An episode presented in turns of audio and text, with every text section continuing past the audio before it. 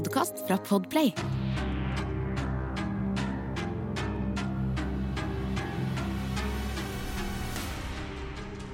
Hei og velkommen til Forsyningsfredag podcast. Som alltid så vil jeg bare si at denne episoden kan være veldig skremmende for enkelte lyttere. Så dersom du er yngre eller sensitiv, så vil jeg anbefale deg å lytte til episoden med en voksen du stoler på, eller skru av. I denne ukens Forsyningsfredag-episode skal jeg ta for meg en norsk sak. Og det er nemlig en sak som på en måte er løst, men på en annen måte så er det en mulighet for at den ikke egentlig er det. Dette er saken om en av norgeshistoriens mest omstridte og omtalte mulige justismord gjennom tidene. Og det er alltid saker som jeg selv finner veldig interessante, fordi det er så veldig mange lag i disse sakene. Jeg har tidligere snakka om en annen justismordsak som faktisk er løst, da på YouTube-kanalen min, nemlig om Fritz Moen. Så dersom det er noe du er interessert i å høre mer om, så kan du sjekke det ut på Sara Høydahl-kanalen på YouTube. Men i dag så skal vi snakke om Torgersen-saken. Torgersen-saken omhandler drapet på en 16 år gammel jente i Skippergata 6B i Oslo, som da ligger rett ved Jernbanetorget i sentrum. Drapet skjedde 7.12.1957 og ble starten på det som skulle bli en av Norges mest omtalte kriminalsaker. Det starta med at det rundt klokka fem på halv to på natta ble meldt om ulmebrann i Skippergata. Brannvesenet kommer ganske raskt til stedet, og da blir en 16 år gammel jente funnet i alle restene etter brannen, sammen med en ødelagt sofa og et juletre. 16-åringen ble funnet liggende med hodet oppå sin egen kåpe, og så har hun et kjempestort dypt kutt i bakhodet. Etter å ha tatt inn 16-åringen inn til videre undersøkelser og for å identifisere henne, så viser det seg at denne uskyldige 16-åringen var Rigmor Johnsen. Rigmor blir funnet kvalt og forsøkt voldtatt, og rettsmedisinerne kunne finne et stort bitemerke på brystet hennes, så hardt at gjerningsmannen hadde bitt gjennom huden hennes. I tillegg til dette var blusen hun hadde på seg, gjennomvåt av blod, til tross for at kåpa hennes var helt uten en eneste flekk. Undersøkelsene som ble gjort av liket denne natta, tilsa at Rigmor mest sannsynlig døde ca. en time før hun ble funnet. Samme natt blir Fredrik Fasting Torgersen anholdt av politiet, og i denne perioden er han faktisk ute på prøveløslatelse for en tidligere dom for voldtektsforsøk. Dommen han fikk for det i sin tid, var tre års fengsel med fem års sikring. La oss snakke litt mer om Fredrik Torgersen og hvordan det kunne ha seg at han ble mistenkt så fort. Fredrik Torgersen ble faktisk ikke anholdt for den hendelsen her i det hele tatt, altså drapet på 16-åringen. Egentlig så hadde han blitt arrestert på bakgrunn av mistanke om sykkeltyveri, samt at han forsøkte å rømme fra politiet både før og etter pågripelsen.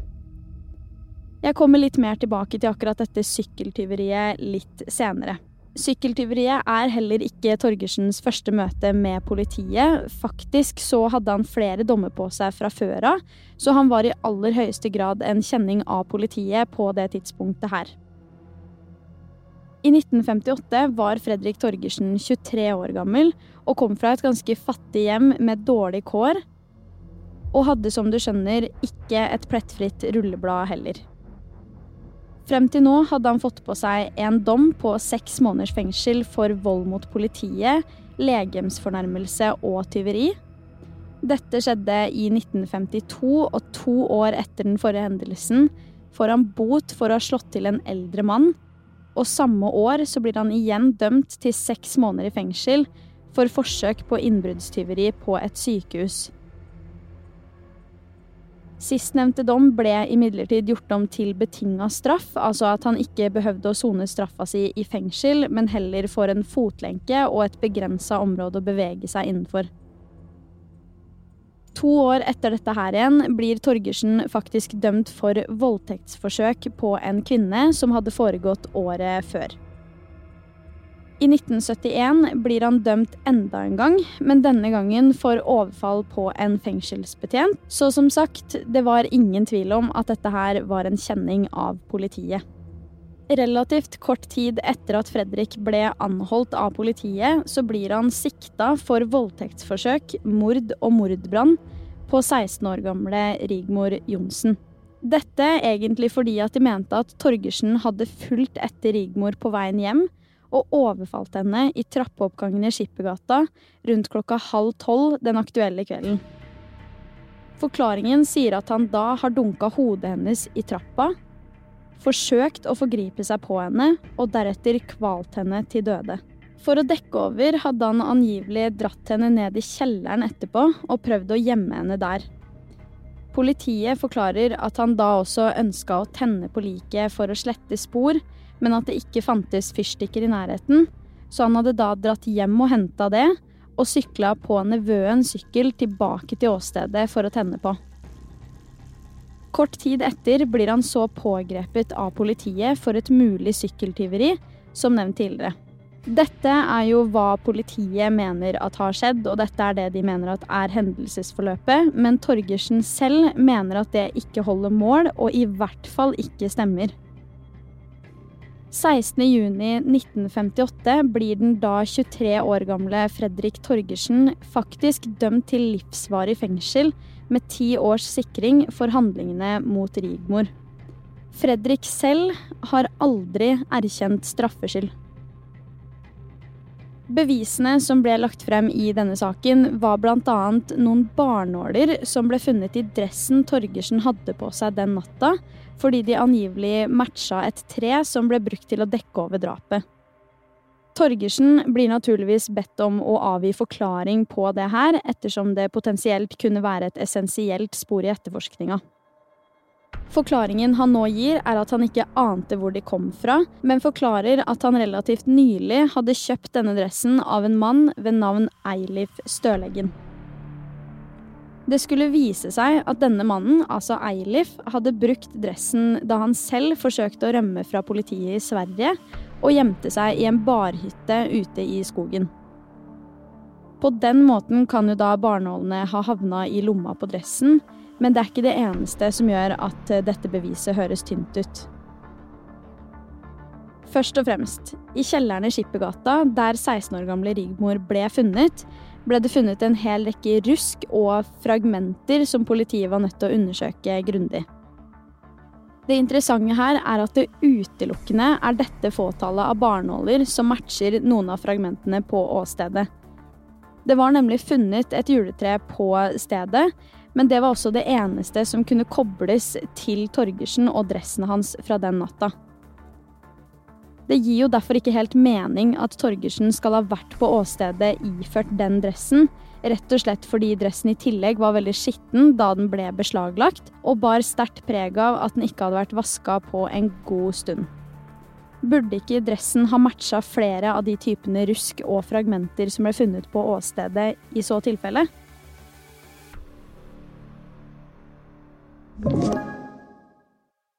I tillegg til det så ønska etterforskerne å analysere blodspor som ble funnet både på Torgersen og Rigmor, men visstnok var det veldig vanskelig fordi de hadde samme blodtype, og dette er jo mange, mange år siden, så DNA-teknologien hadde ikke kommet på langt nær så langt som hva den er kommet i dag.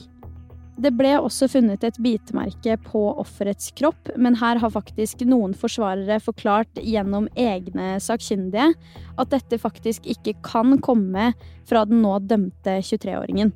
På den andre siden er dette et av bevisene som ble brukt i rettssaken for å bevise at det var Torgersen som sto bak det.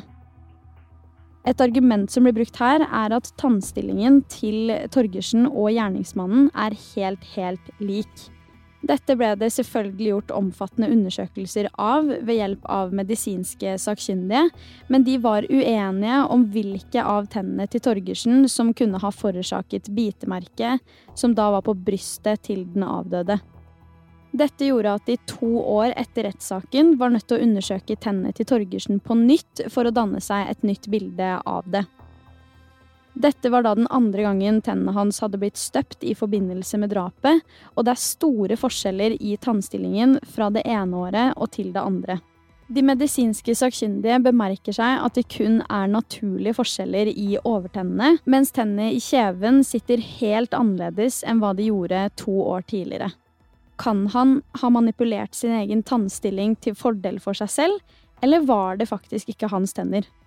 De medisinske sakkyndige kommer uansett frem til at dette er nødt til å være en bevisst handling fra Torgersens side, og dommen står fremdeles som den er. Til dags dato så er det faktisk bred uenighet rundt hvorvidt dette er et fellende bevis eller ikke, og folk mener mye forskjellig rundt akkurat dette beviset.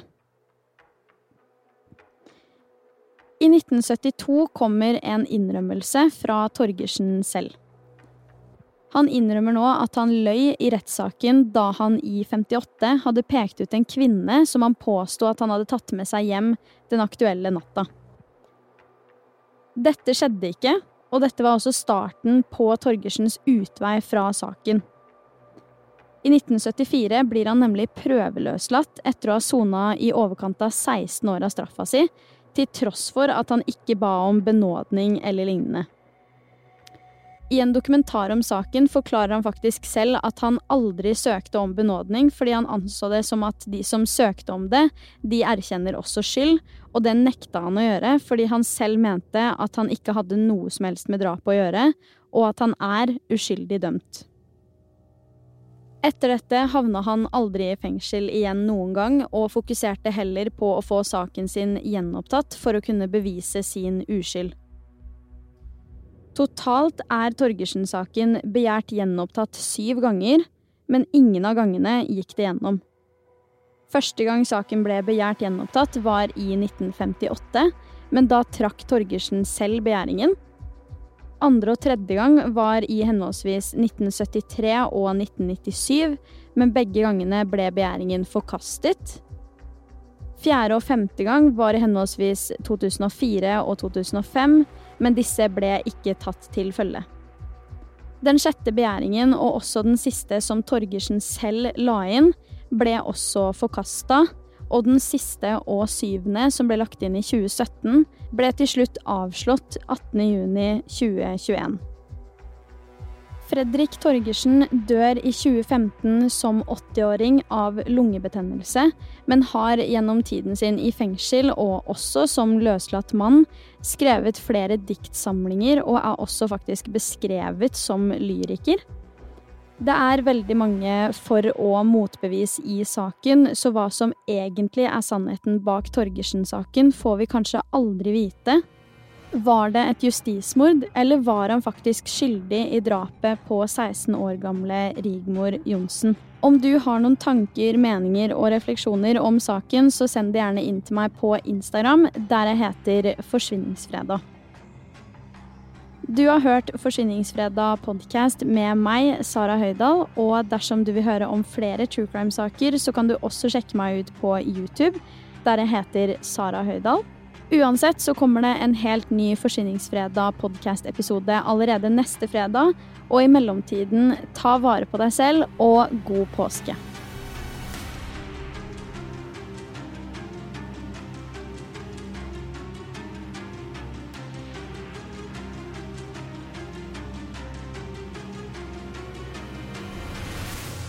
Du har hørt en podkast fra Podplay.